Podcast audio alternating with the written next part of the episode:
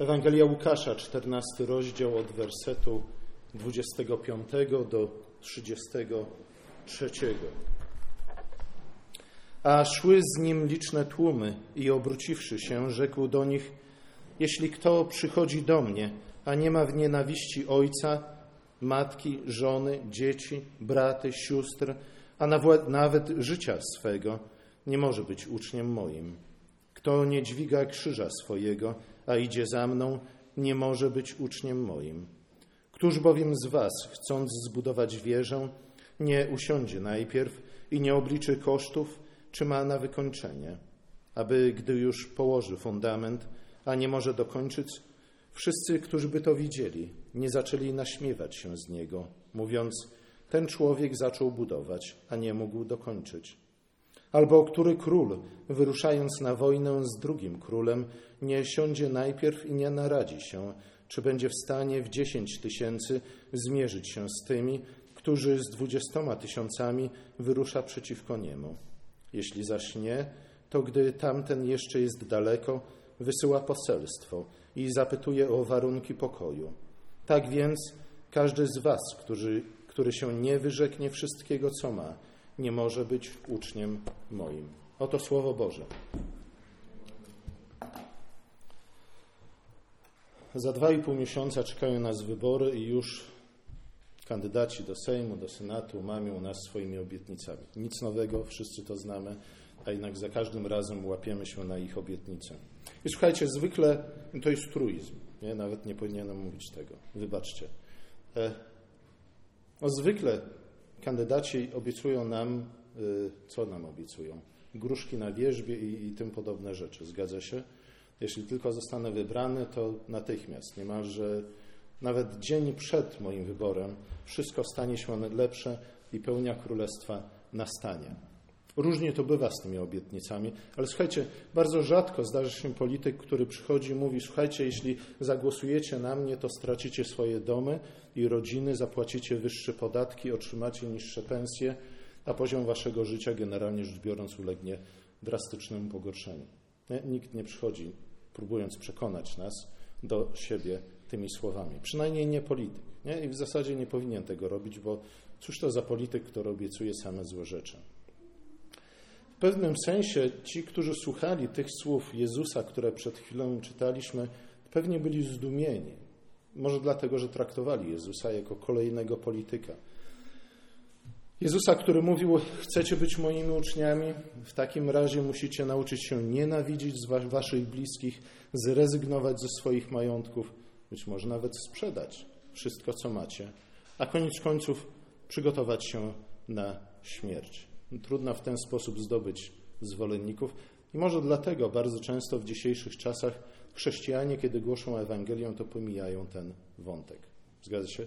Raczej obiecują gruszki na wierzbie. Raczej mówią o tym, że słuchaj, przyjdź do Pana Jezusa, zawierz Mu, złóż na Niego swoje wszystkie ciężary i słuchaj, od tej pory będziesz żył jak jakiś krezus na Bahamach.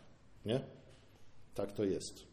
Wszystkie choroby ustąpią, wszystkie problemy się rozwiążą, wasze małżeństwa będą cudowne i wyśmienite, a jeśli nie masz jeszcze męża i żony, to spotkasz najpiękniejszą albo najcudowniejszego faceta albo kobitkę na świecie i będziecie szczęśliwi do końca swoich dni, które w gruncie rzeczy nigdy się nie skończą. Słuchajcie, tak często jest głoszona Ewangelia. Nie? I niestety, jeśli w ten sposób głosimy Ewangelię, to jesteśmy kłamcami.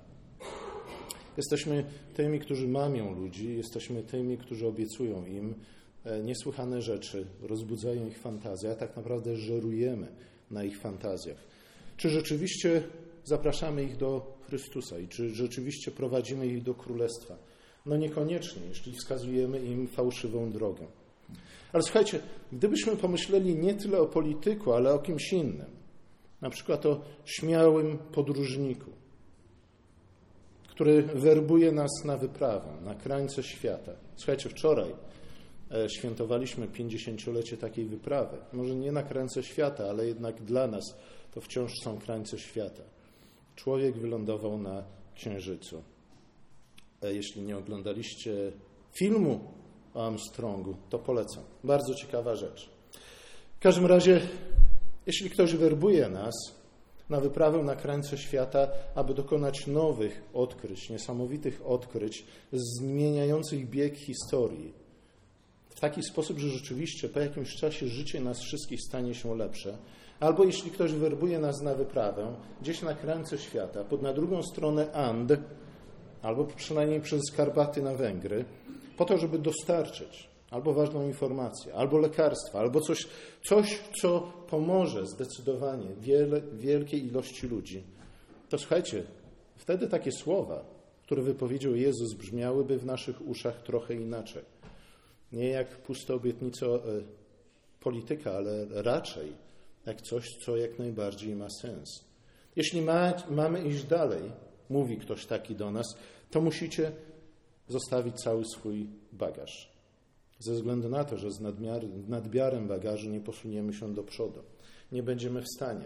Cały nasz dotychczasowy wysiłek zostanie zmarnowany. I pewnie też powinniście wysłać, jeśli macie możliwość, listy do waszych bliskich. Tak na wszelki wypadek, żegnając się z nimi. Ze względu na to, że idąc dalej, ryzykujecie własnym życiem. Słuchajcie, w historii świata, a nawet w historii Polski, wielu ludzi dokładnie takiej ofiary dokonało, złożyło, wiedząc, że ryzykują wszystkim i poszli. Nie? W pełni świadomi tego, że to może być ich ostatnia wyprawa, ze względu na to, że stawka była wystarczająco wysoka, aby zaryzykować nawet własne życie, aby opuścić swoje domy, aby zostawić swoje warsztaty, aby sprzedać swój majątek i zainwestować w tę wyprawę. Słuchajcie, taka perspektywa może nam się nie podobać i prawdopodobnie nie powinna nam się podobać, ale z drugiej strony, przynajmniej ona ma jakiś sens. Jezus oczywiście przypomina o wiele bardziej tę drugą osobę, ze względu na to, że stawka, o jaką tutaj idzie, stawką, o jaką, o jaką tutaj idzie, jest Królestwo Boże. Królestwo Boże, które Pismo Święte opisuje na wiele różnych sposobów, ale Królestwo Boże jest najlepszym, co może nas kiedykolwiek spotkać. I dlatego wymaga od nas poświęceń, ale też z tego względu, iż Królestwo Boże nadchodząc wywołuje zawsze konflikt, zwłaszcza z wszelkiego rodzaju demonicznymi siłami, droga go do Królestwa nigdy nie jest łatwa ani prosta. Dlatego Jezus nie tylko przestrzega nas, ale też wzywa nas do poświęcenia, do ofiary w imię wyższych wartości dla Królestwa Bożego, dla Jego pełni. Powinniśmy pomyśleć tu o człowieku, który znalazłszy tę drogocenną perłę, był gotów zrezygnować absolutnie z wszystkiego, co posiadał, po to, aby ją zdobyć.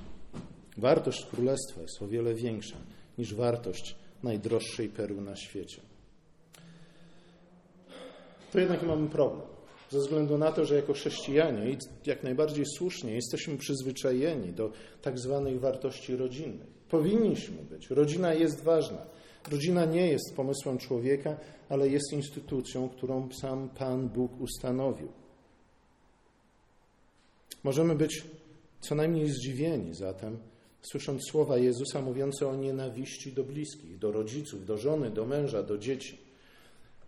Ale kiedy Jezus dodaje do tego, że mamy nienawidzić samych siebie, że mamy przygotować się na własną śmierć, obranie krzyża swojego na swoje plecy, nie jest tutaj tylko i wyłącznie metaforą, to myślę, że powinniśmy przynajmniej zacząć pojmować, o czym tutaj jest mowa. Jezus w żaden sposób nie neguje wartości rodzinnych ani wartości ludzkiego życia, ale stwierdza, że nie są to najwyższe wartości. Po pierwsze stwierdza, że jest coś ważniejszego, a po drugie mówi, że to coś ważniejszego, czyli Królestwo Boże, jeśli ma, je mamy, to mamy wszystko. Tak Jezus przynajmniej stwierdził w kazaniu na górze. Mówi, szukajcie najpierw o Królestwo Boże, a to wszystko, o co zabiegają inni ludzie, zostanie wam dodane. Jeśli zdobędziemy Królestwo, posiądziemy wszystko. Jeśli go nie zdobędziemy, to utracimy wszystko to, co cenimy. Mamy pamiętać, że próbując zachować własne życie za wszelką cenę, utracimy je. Również o tym Jezus wyraźnie i wielokrotnie mówił. I, I, kiedy mówi tutaj o utracie własnego życia, to oczywiście ma na myśli nie tylko po prostu naszą egzystencję fizyczną, ale jest to życie szeroko rozumiane. Nie? Życie z tym wszystkim, co do niego należy. Życie z tym wszystkim, co czyni życie wartym życie. Nie powinniśmy jednak z jednej strony mieć bałwochwalczego stosunku ani do życia, ani do rodziny, ani do pieniędzy, tym bardziej. Powinniśmy je cenić, ale nie czcić, jakby były Bogiem. Nie mogą stać się dla nas mamoną, która zastąpi nam samego Boga, bo wtedy wszystko będziemy tracić. Zaczniemy ponosić szkodę na własnej duszy. Słuchajcie, na przykład dwoje młodych ludzi mówią, że się kochają. I zaczynają angażować się w rzeczy, które Pismo Święte dość jednoznacznie potępia. E, co to oznacza dla ich związku? Nie, jeśli miłość jest dla nas najwyższą wartością, to niestety oznacza to dla tego związku, iż prędzej czy później rozpadnie się on i rozsypie się. Słuchajcie, przykazania Pana Boga nie są arbitralne. Tu nie chodzi tylko i wyłącznie o to, że Pan Bóg wymaga od nas posłuszeństwa dla samego posłuszeństwa. Zawsze, kiedy daje nam jakieś przykazanie, daje nam je nie tylko dlatego, że ono jest dobre, słuszne i mądre, ale daje je, je nam również dla naszego własnego dobra. Tak mówi do Mojżesza, czy też przez, przez Mojżesza mówi: Dałem wam te wszystkie przykazania po to, abyście dobrze żyli w ziemi, którą wam dają. One mają być waszą mądrością. Co więcej, inne narody, wasi sąsiedzi, patrząc na was, jak żyjecie w zgodzie z Bożymi przykazaniami, z moimi przykazaniami, mówi Bóg, powiedzą: My też chcemy tak żyć. My też chcemy poznać tę mądrość. My też chcemy żyć według tych przy, przykazań. Zatem Bóg daje nam przykazania, albo też Bóg potępia coś zawsze z jakiejś przyczyny. Może raczej powinniśmy powiedzieć zawsze dla jakiegoś celu. Nie jesteśmy w stanie cieszyć się udanym życiem, czy to rodzinnym, czy jakimś, w jakimś innym wymiarze, bez uznania wyższości Słowa Bożego nad naszym życiem. Bez uznania wyższości Chrystusa, tego boskiego logosu nad samą rodziną. Nie? To jest to samo słowo, które na początku, kiedy Bóg tworzył świat, nie tylko powołało to, co nie istniało do bytu, ale także jest to to samo słowo, które nadało temu pierwotnemu chaosowi dobre formy, napełniło je tym, co piękne, rozświetliło blaskiem chwały. Także z czasem wszystko, co Bóg stworzył, stawało się coraz lepsze, aż w końcu stało się bardzo dobre. Słuchajcie, jeśli odrzucimy to słowo, jeśli odrzucimy zatem Chrystusa, to nasze życie prędzej czy później pogrąży się z powrotem chaosie. I dlatego, dla naszego własnego dobra, dobrze jest słuchać Chrystusa nie? i uznać wyższość Jego słowa, słowa nad każdym innym słowem. Słuchajcie, tu musimy zrozumieć, o jaką stawkę tutaj chodzi. Ku czemu wzywa nas Jezus, kiedy mówi, że mamy nienawidzieć wszystkie inne rzeczy oprócz Niego? E, jesteśmy trochę w sytuacji jak Hebrajczycy, słuchający Mojżesza, który wzywa ich, czy też wzywa nas, abyśmy wyszli z nim z Egiptu i poszli na pustynię. Albo zatem pójdziemy za nim, albo pozostaniemy w Egipcie. Nie? Trzeciej opcji nie ma. Albo to, albo tamto. Ale droga przez pustynię, a także samo zdobycie ziemi obiecanej nie będzie proste, nie będzie łatwe, nie będzie spacerem po Luna Parku. I Hebrajczycy bardzo szybko się o tym przekonali. Bardzo szybko też zaczęli narzekać, zapominając, jak naprawdę żyło im się w niewoli egipskiej. Dlatego Jezus z góry nas uprzedza. Słuchajcie, warto, ale nie będzie łatwo. Z drugiej strony, pamiętając o wyjściu z Egiptu, myślę, że powinniśmy pamiętać o tym pewnym schemacie powtarzającym się, który pokazuje, iż Bóg zawsze z początku jednak nas traktuje, zwłaszcza jesteśmy, jeśli jesteśmy ludźmi młodymi w wierze, tak jak traktował Hebrajczyków na pustyni. W pewnym sensie traktował ich lepiej niż traktował ich później. Zgadza się? Bo na pustyni nie musieli pracować. Na pustyni dostawali jedzenie. Żyli prawie jak Adam i Ewa w ogrodzie. Pan Bóg we wszystko ich zaopatrywał. Nawet ich sandały się nie zużyły przez 40 lat wędrówki. Kiedy weszli do ziemi obiecanej, to wszystko się skończyło. Musieli zacząć pracować. Musieli zacząć szyć sobie nowe sandały co kilka lat. Jezus wyjaśniając nam, o co tu chodzi, na czym polega tak naprawdę naśladowanie go, jak ono wygląda konkretnie, odwołuje się do dwóch obrazów. Po pierwsze do obrazu budowniczego, a po drugie do obrazu generała, dowódcy wojsk. Budowniczy, który tak bardzo skupił się, skupił swoją wyobraźnię na końcowym efekcie przedsięwzięcia, że kompletnie zignorował fakt, że każda budowla nie jest owocem jedynie marzeń o nich. Ja bardzo często niestety tak to wygląda. Fantazjujemy o tym, co będzie na końcu, jak w przyszłości będzie wyglądać nasze życie, jak to będzie w niebie, a może nawet jak to będzie po zmartwychwstaniu. I słuchajcie, to jest bardzo ważne, abyśmy o tym pamiętali. O tym również Jezus mówi w kazaniu na górze. Pamiętajcie, pod koniec kazania, gdzie mówi właśnie o tym, iż najważniejsze jest królestwo, że mamy skupić niemalże, moglibyśmy powiedzieć, całą naszą uwagę na królestwie i o nie zabiegać, ponieważ wtedy otrzymamy całą resztę tego, czego potrzebujemy. Wpierw Jezus mówi: Słuchajcie, ale pamiętajcie o tym, że dzień dzisiejszy do Was należy. Dzień dzisiejszy, a nie dzień jutrzejszy. I wczorajszy też już nie. Na dniu dzisiejszym macie się skupić. A zatem każdy chrześcijanin musi, musi żyć, nie? jakby zezując trochę nie? na przyszłość ku pełni królestwa. Ze względu na to, że pełnia królestwa jest tym, co daje nam nadzieję, a w związku z tym siłę i moc do wytrwania.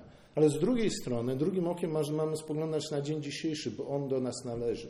Mamy skupić się na tym, co tu i teraz, w pewnym sensie, na tym, co możemy zrobić, na tym, jak małe nawet dobro możemy uczynić naszemu bliźniemu, który siedzi obok nas w ławce albo na krześle. Ławek nie mamy.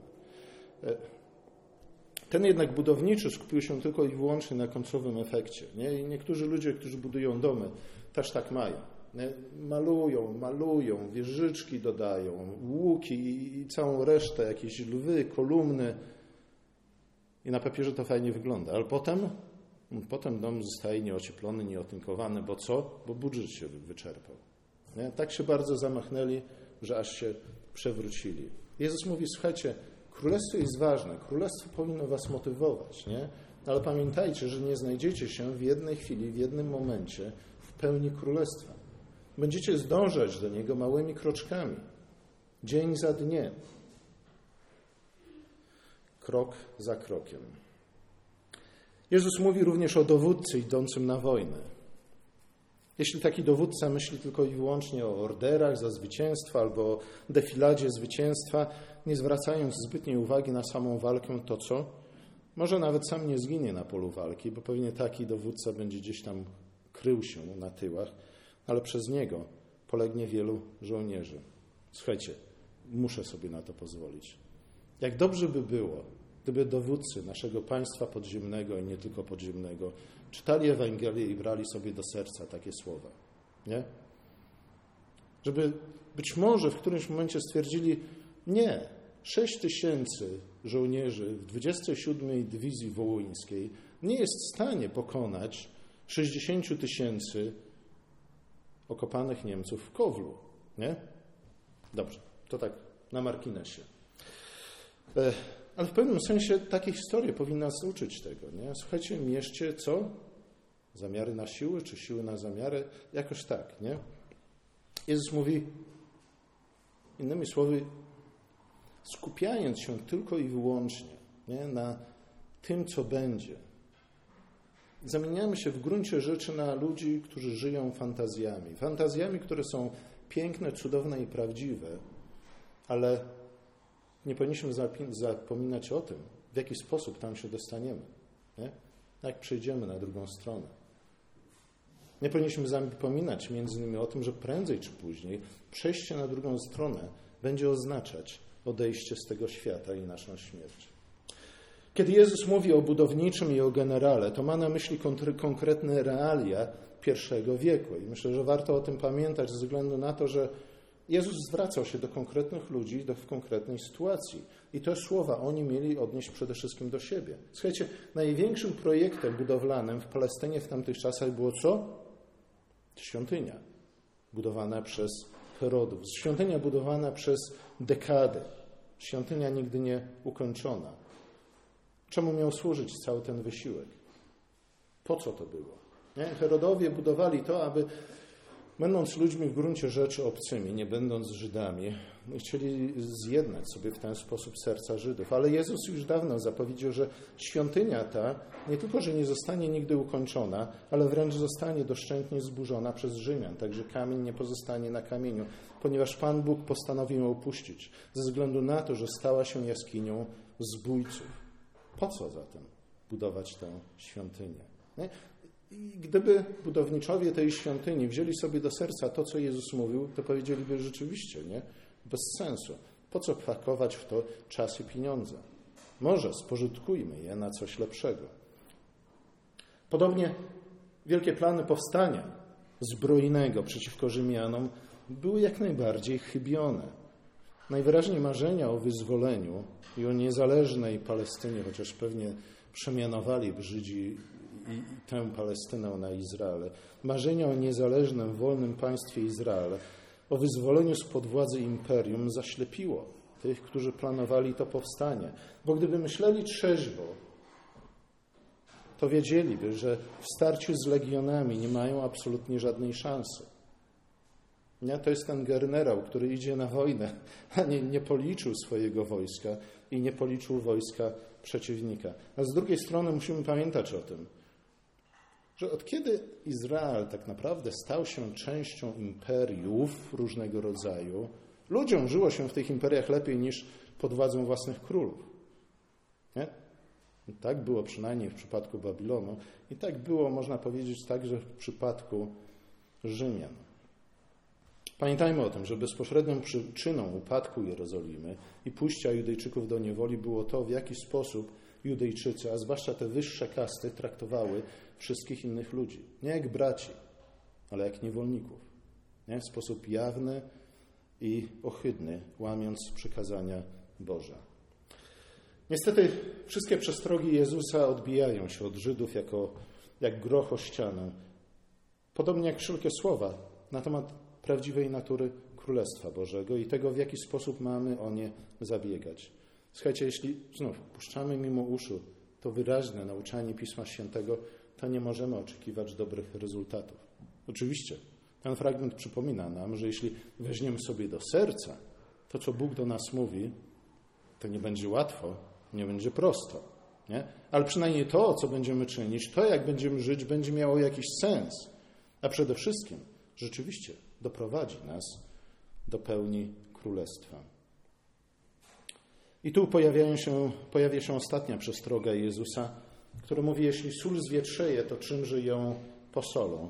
Izrael niestety, choć jego powołaniem było, żeby był solą ziemi, innymi słowy, żeby składał świadectwo dla okolicznych narodów, Izrael stał się jak ta zwietrzała sól. I słuchajcie, stał się jak ta zwietrzała sól z tego względu, że oczywiście zaczął puszczać mimo uszu to, co Bóg do niego mówił, ale z drugiej strony stał się jak ta zwietrzała sól,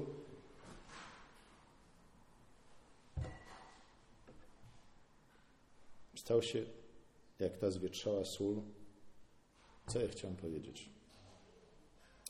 Zapomniałem. W każdym razie puszczał, puszczał mimo uszu słowa Boże, które sprawiły, że Izrael przestał być świadectwem. Stał się w związku z tym bezużyteczny.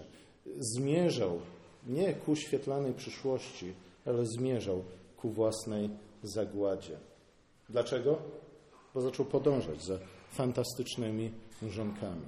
Nie? I słuchajcie, tutaj widzimy kolejne niebezpieczeństwo, jakie czyha na nas, a mianowicie to, jak bardzo łatwo jesteśmy w stanie omamić samych siebie. Ze względu na to, że Izrael z jednej strony trzymał się tych wszystkich obietnic, które Pan Bóg dał mu, począwszy od czasów Abrahama, czytaliśmy ten fragment dzisiaj, mówiący o powołaniu Abrahama. Tak, mówili, to wszystko będzie nasze, królestwo będzie nasze, będziemy panować nad całym światem i tak dalej, i tak dalej. Słuchajcie, tej części nie porzucili. Nie? To ciekawe, że nie byli kompletnymi pesymistami, jeśli chodzi o przyszłość, ale z drugiej strony dawno porzucili ścieżkę, która zaprowadzi ich do tego. I znów widzimy tutaj jeszcze raz ten schemat, że musimy zezować w naszym życiu jednym okiem na pełnię królestwa. Pomarzenie o pełni królestwa jest w stanie dodać nam siłę i zachęty i nadziei, ale z drugiej strony mamy żyć tu i teraz żyć dniem dzisiejszym, bo dzień dzisiejszy do nas należy. Słuchajcie, ludzie, którzy odchodzą od tego schematu, stają się właśnie podobni jak do Żydów w czasach Jezusa. Wielkie plany, które niestety okazują się mrzonkami, ze względu na to, że ich codzienne życie w żaden sposób nie odpowiada, nie przystaje do ich prawdziwych bądź co bądź marzeń.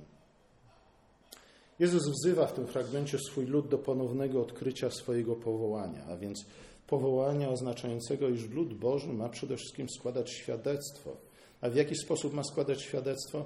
Żyć z dnia na dzień w zgodzie z przykazaniami Bożymi, ze względu na to, że w ten sposób będzie porządkował nie tylko własne życie, ale też całą, całe swoje otoczenie według tego słowa, którym Pan Bóg uczynił świat i które uporządkowało ten świat, które napełniło go dobrymi rzeczami, które rozświeciło, rozjaśniło ciemności. Oczywiście, kiedy Łukasz pisał Ewangelię, to zapewne miał na myśli również Kościół, ze względu na to, że to był ten czas przejściowy, nie? kiedy znaczna część Izraela, która odrzuciła Chrystusa, miała być odcięta od drzewa, którym był lud Boży, a znaczna część pogan miała być wszczepiona do tego drzewa. Te przestrogi kierują się w związku z tym również dla nas, abyśmy my nie stali się podobnie do Żydów w czasach Jezusa. Mamy rozpoznawać bitwy, w jakich warto wziąć udział. Nie? Wszyscy powtarzają ten truizm, że bez sensu jest walczyć na dwa albo na trzy fronty, a jednak zazwyczaj dokładnie to czynimy. Nie? Wybieraj walki i bitwy, które warto toczyć i które możesz wygrać, bo inaczej co zrobisz? Rozsmarujesz się, nie? Jak masło. Zbyt mało masła na zbyt wielkiej kromce chleba, jak mawiał Bilbo. Musimy rozpoznać wieże, jakie warto wznieść, a także wieże, jakie jesteśmy w stanie zbudować. Nie? Moglibyśmy dzisiaj powiedzieć, słuchajcie, co tam? Amerykanie polecieli na Księżyc, my polecimy na Mars, nie? I tu własnymi siłami będziemy zaczniemy konstruować rakietę, a przynajmniej rysować plany. Słuchajcie, no nic bardziej poronionego, nie? niż taki pomysł.